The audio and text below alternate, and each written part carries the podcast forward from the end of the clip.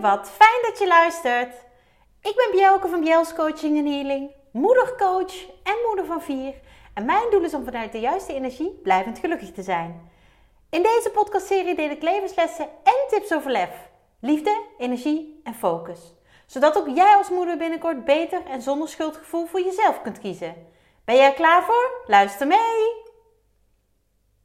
Ja, weer een week voorbij. En wat ontzettend leuk dat je luistert. Weer een nieuwe aflevering van mijn podcast Overlef.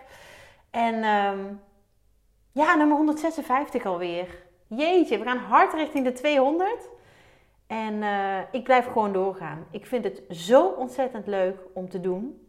En ik krijg nog steeds veel reacties op mijn podcast. En uh, ja, weet je, ik vind het waanzinnig leuk om uh, te horen dat jullie uh, enthousiast zijn. Dat jullie uh, ook uitkijken naar de nieuwe aflevering. En daar is die.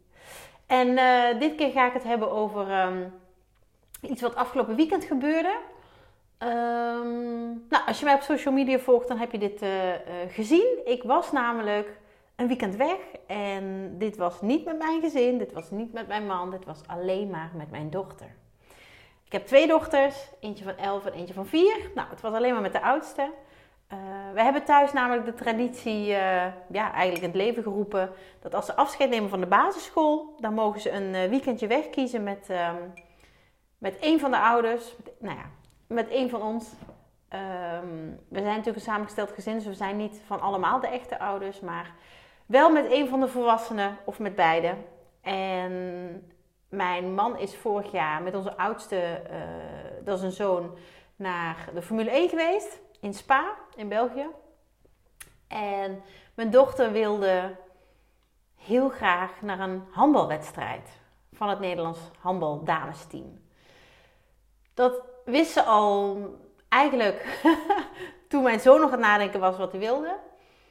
Um, inmiddels is zij ook gestart op de middelbare school en ja, was wel heel duidelijk dat zij naar een handbalwedstrijd wilde. Dus ik heb, uh, even denken, ja, ik denk afgelopen zomer heb ik alles uh, geregeld, geboekt. En ja, ze heeft gewoon echt de mazzel gehad, en ik ook, dat er een WK is van het handbal. Van dameshandbal dit jaar. En, en dat vond ik vooral erg leuk, dat het plaatsvond vindt, want het is nog steeds gaande, in Scandinavië.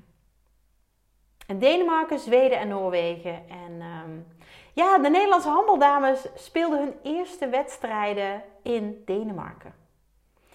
Ik had natuurlijk veel liever Zweden nog gehad. Maar ja, je kunt er niet op gokken dat ze, dat, dat ze helemaal tot daar komen.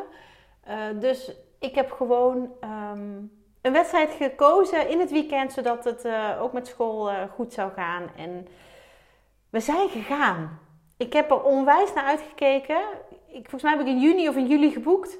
En nu was het december en uh, was het zover. Ik was eerst uh, jarig vorige week. En de dag daarna vlogen we al naar, naar Denemarken.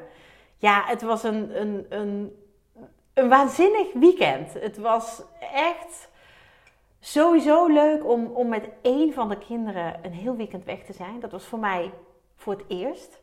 Want als ik ging, hè, ook toen ik alleenstaande moeder was, um, deed ik dat met, met beide. Kon niet eentje thuis laten.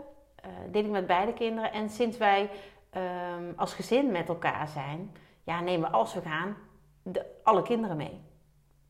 En heel soms alleen onze kleinste, onze jongste, maar dan is mijn man er ook bij. Dus dit was heel bijzonder. Ik heb ook echt genoten uh, van dat zij zo genoot. het is echt een, een, een hele lieve, um, rustige meid. Ze zit natuurlijk op de brugklas, dus er gebeurt van alles. Um, ze is echt wel aan het veranderen, maar helemaal niet vervelend of pubergedrag. Of nou ja, toch wel één dingetje dat ik um, niet zomaar overal foto's van mag maken. En dat snap ik, hè. Sowieso vraag ik altijd aan de oudste drie of ik een foto mag delen. Onze kleine meid vindt het allemaal prima. Uh, maar nou ja, zij mogen daar zelf over beslissen. Dus dat vraag ik altijd. Nou, dan willen ze hem eerst zien. Helemaal goed. Ja, deze niet, daar sta ik stom op. Die wel, die, die is leuk. Nou, um, kennelijk maakte ik er veel foto's. Alleen, nou, tijdens en na de handbalwedstrijd uh, vond ze dat totaal geen probleem. Wilde ze met alle speelsters het liefst op de foto. Ze heeft heel veel handtekeningen verzameld. Het was gewoon super. Echt, ik heb er geen andere woorden voor. Het was super. En ja, dat was ook wel. We zaten bij de handbalwedstrijd.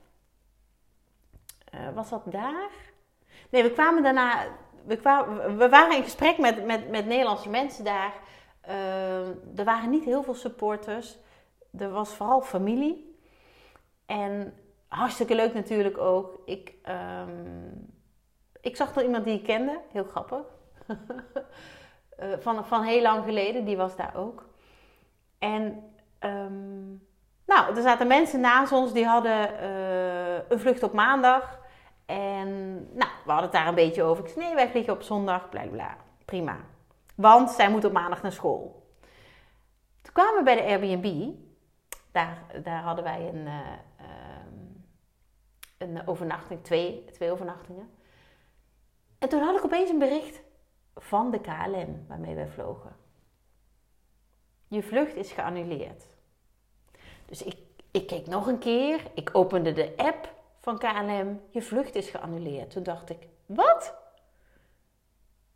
Oké, dus ik eventjes kijken. Nou, had alles te maken met de weersvoorspellingen. Nou komt die in Nederland.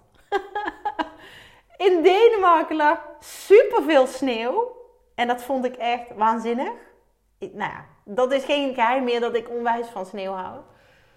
Uh, mijn dochter trouwens ook, want die heeft echt, nou, door de sneeuw gerend, gegleden, ge, ge, ge, gehuppeld, echt alles.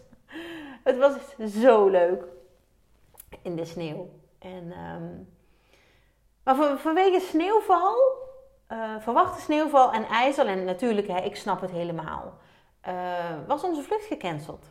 Op zondag, ja, zondagavond, begin van de avond zouden wij vliegen. Ja, daar zit je dan. Daar zit je dan. Wat doe je dan? Nou, ik was heel relaxed. Ik dacht, nou ja, dan kunnen we dus niet naar huis. Wat kunnen we wel doen? Ik dacht, ik ga lekker slapen. Dat zien we morgen wel. Nou, als je me dit 10, 15, ja, zo oud ben ik al, 20 jaar geleden had um, had gezegd, of als dit eh, 10, 15, 20 jaar geleden was gebeurd, dan was ik redelijk in paniek geraakt. Dan was ik geen, dan had ik geen leuke avond gehad en dan was ik zeker niet gaan slapen voordat ik alles had geregeld. En dat had alles te maken met de persoon die ik toen was.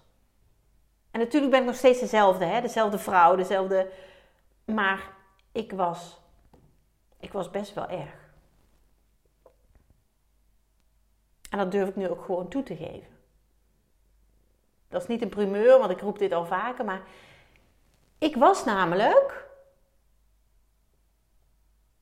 een ontzettende perfectionist en een controlfreak. En die twee bij elkaar maken je leven vrijwel onmogelijk. En misschien herken je dit. En onmogelijk bedoel ik natuurlijk met de knipoog. nou, er zit ook wel een hele kern van waarheid in. Perfectionist en controlfreak. En ook al heb je maar één van de twee, hè, of herken je daarin, in één van de twee, dan maak je het jezelf en je omgeving vaak ongelooflijk moeilijk. Het is namelijk killing. Killing voor een hele hoop energie hebben, killing voor je goed voelen, killing voor gelukkig zijn, killing voor genieten, kunnen genieten. En dit zeg ik allemaal uit ervaring. Dit zeg ik allemaal uit ervaring. Ik was echt. Ik stond altijd aan ook. En dat herken je misschien ook wel. Ik stond altijd aan. Want er was altijd wel iets wat anders moest. Er was altijd wel iets wat gedaan kon worden. Er was altijd iets wat rechtgezet of, of, verlegd. Of... Ik uh, koppelde mijn ja, de waardering voor mezelf heb ik hele lange tijd gekoppeld aan Ehm, ja, en, en, en hoe mijn huis eruit zag. Dat is eigenlijk wel, denk ik, het voornaamste. Hoe ik er zelf uitzag ook wel. Ehm, wat ik presteerde ook wel. En bij veel mensen is het dan ook nog wat ze verdienen. Dat was bij mij niet zo, dat, daar was ik niet zo mee bezig. Ik had gewoon een leuke baan en ik verdiende goed, maar daar was ik niet zo mee bezig. Maar vooral met hoe mijn huis eruit zag. Dat was voor mij, ja, dat was voor mij heel belangrijk. Heel belangrijk. En ik zal even toelichten hoe belangrijk. Ehm, en dan had ik het niet alleen maar hoe het huis eruit zag, maar ook gewoon het huishouden. Ik ga twee voorbeelden geven. En dat doe ik inmiddels echt niet meer. Ik stond regelmatig te strijken de was te strijken. Ik weet dat heel veel vrouwen dat ook niet doen, maar ik doe dat wel. Ik word er ergens heel blij van. Ik vind het echt ontspannend inmiddels. Maar ik stond regelmatig te strijken tot middernacht. En ze denken misschien, jeetje, doe normaal. Ja. Maar dat kwam dan omdat ik met mezelf had afgesproken dat ik die dag de strijk af zou hebben. En de strijk is zo'n um, never-ending story, hè? die komt altijd terug, net als alle was. En dan kan je zeggen, met zes personen heb je heel veel was en heel veel strijk. Toen was ik niet met zes personen. Dan stond ik midden, tot midden in de nacht te strijken. Terwijl de kasten met kleding meer dan voldoende hadden om nog drie weken voor, voor te kunnen. Maar ik wilde die strijk af hebben, want dat had ik met mezelf afgesproken. Dus ik stond te strijken tot middernacht. Dodelijk vermoeiend, want ik ging veel te laat naar bed. Uh, twee kleine kindjes in mijn eentje. Uh, werd natuurlijk heel vroeg wakker. Nou ja, weet je, ik was gewoon roofbouw en plegen op mezelf. En een ander voorbeeld, en ik, ik, nou, ik weet nog precies waar het was, eh, hoe het ging. Mijn moeder was bij mij op visite. Nee, ja, mijn moeder kwam bij mij op visite. Ik woonde toen in Utrecht met, de, met, mijn oudste twee, als alleenstaande moeder. En uh, ze kwam een dagje of een weekendje, dat weet ik niet meer. Ze kwam binnen, uh, even begroet. Even, nou, wil je drinken? Ze ging zitten en uh, een kopje thee erbij. Zei ze, goh, zo fijn hè, dat jij een schoonmaakster hebt. En toen dacht ik, oh jee. En toen zei ik, um, ja, die komt morgen. Het was een doordeweekse dag dus dat ze kwam. Die komt morgen. En ik hoorde mezelf het zeggen en de blik van mijn moeder. En toen dacht ik, oh Biel, waar ben je mee bezig? Want ik ging namelijk altijd opruimen en schoonmaken voordat de schoonmaakster kwam. Ik weet niet of je je daarin herkent, maar ik, ik tref heel veel vrouwen, en, en, en zeker die ik mag coachen, die dat ook doen.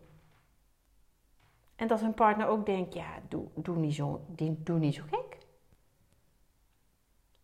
Maar dat was mijn perfectionisme. Dat was, alles moest ook op stapeltjes en moest uh, uh, goed. En, en nou ja, ik kan je zeggen, sinds ik moeder ben, heb ik daar heel veel moeite mee gehad. Want een kind laat zich niet zo goed sturen in de puzzel op een stapeltje enzovoort. Maar ik koppelde mijn eigen waarde aan hoe het er allemaal uitzag. Hoe schoon mijn huis was. Eh, hoe ik het huishouden op orde had.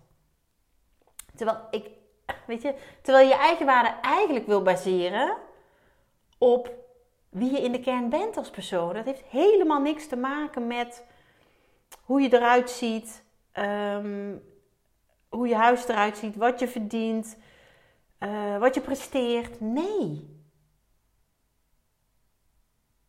En toch was het bij mij zo. En als je me nu dit, weet je, als je me nu volgt en, en je hoort er vaker iets van mij of je leest iets of Dan denk je misschien, hé, jij? Ja, ik. Ik was een mega perfectionist. Een heel erg grote controlfreak. En die combinatie, ja, die hield mij staande. Ik kon ook niet echt, echt, echt genieten van iets. Want er kon altijd wel iets anders, beter, mooier, uh, strakker, uh, opgeruimder, schoner, noem het. En de reden dat ik dit deel is dat ik de laatste maanden vrouwen spreek, vrouwen mag begeleiden die dit heel erg hebben, net als ik toen. En die zichzelf daardoor diep ongelukkig voelen.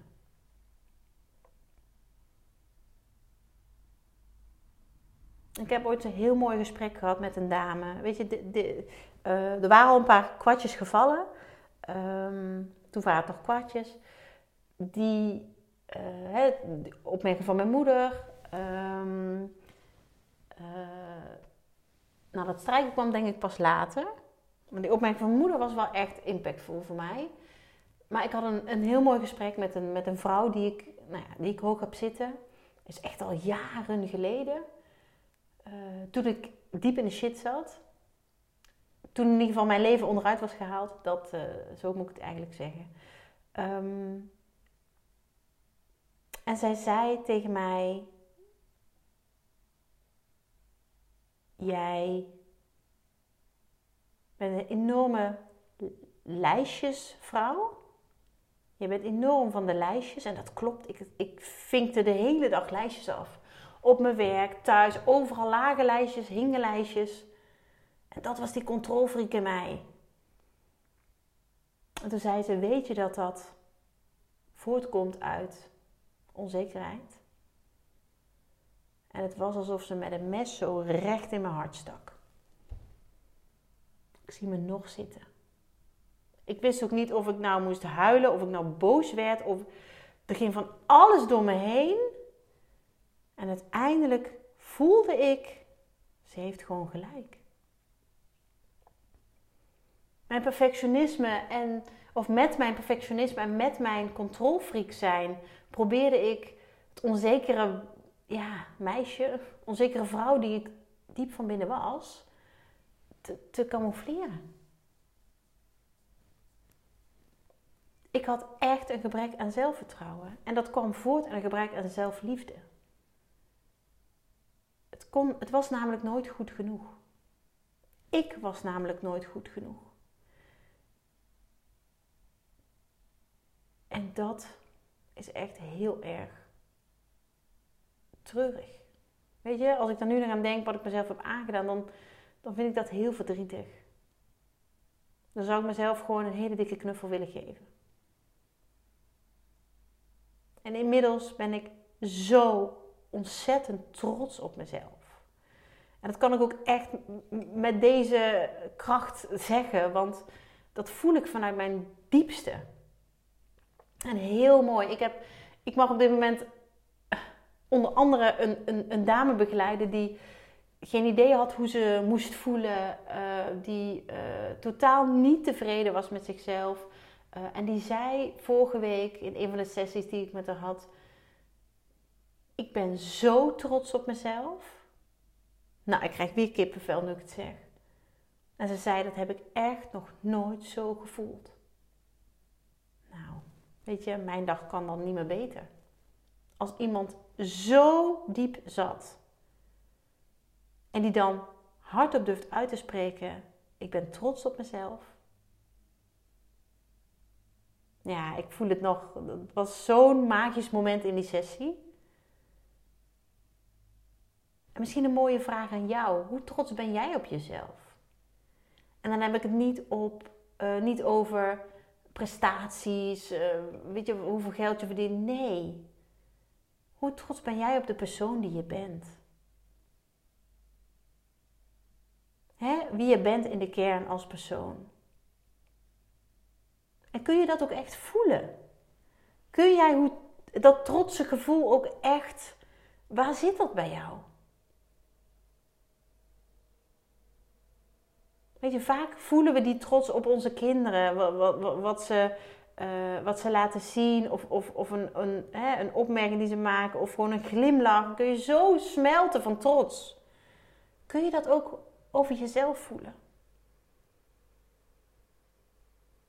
En dan zonder voorwaarden. Dat is ook zoiets wat ik heel vaak zie in mijn coaching. Dat ik vrouwen spreek die zeggen: Ja, maar als ik dan 10 kilo lichter ben of 20 kilo lichter, dan, uh, weet je, dan, dan uh, voel ik me beter. Maar dat is eigenlijk de omgekeerde wereld. Het is namelijk de bedoeling dat je je goed voelt, ook met hoe je nu eruit ziet.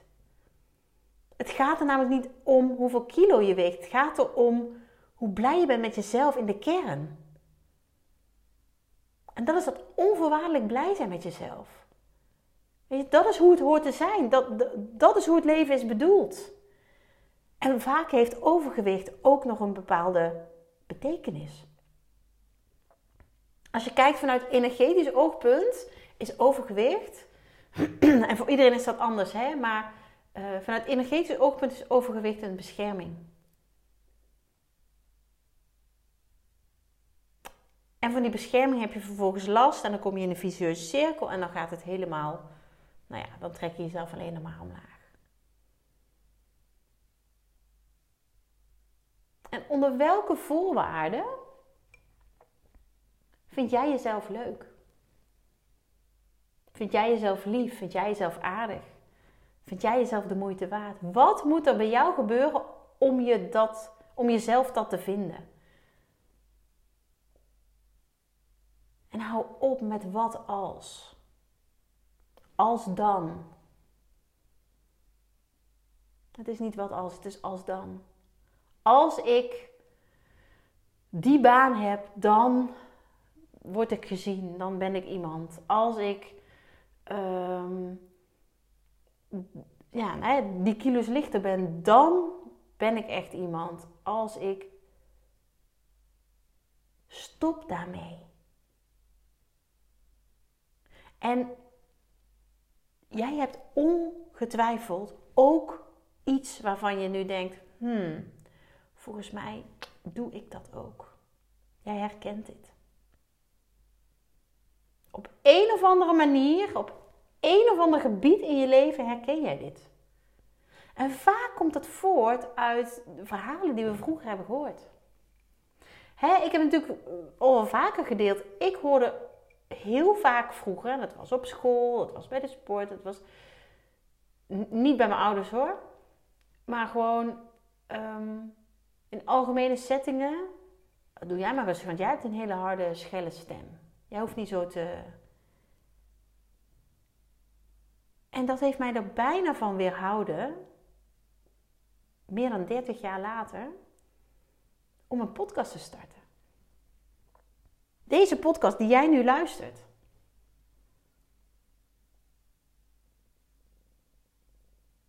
Als ik echt nog steeds onzeker was en ehm, me daardoor liet beïnvloeden, dan had ik deze podcast nooit gestart. En ik ben nu 156 weken verder. Want ik doe elke week een aflevering. Dus je kunt het gewoon keren. Je kunt het tij keren. Je kunt het draaien. En zo heb ik ook dat perfectionist zijn gedraaid. Zo heb ik ook um, het controlfreak zijn gedraaid. En ik, mijn leven is zoveel luchtiger en, en, en, en makkelijker en leuker geworden.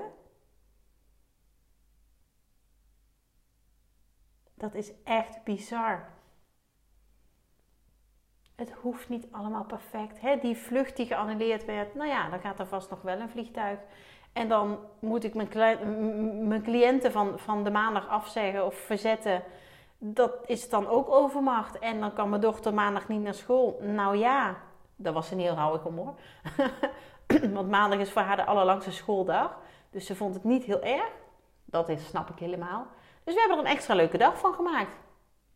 Dus we hebben van die extra dag een leuke dag gemaakt. Extra leuke dag. Weet je, dat was helemaal prima. Helemaal prima. En als ik dat kan, die perfectionist loslaten, die controlfreak loslaten.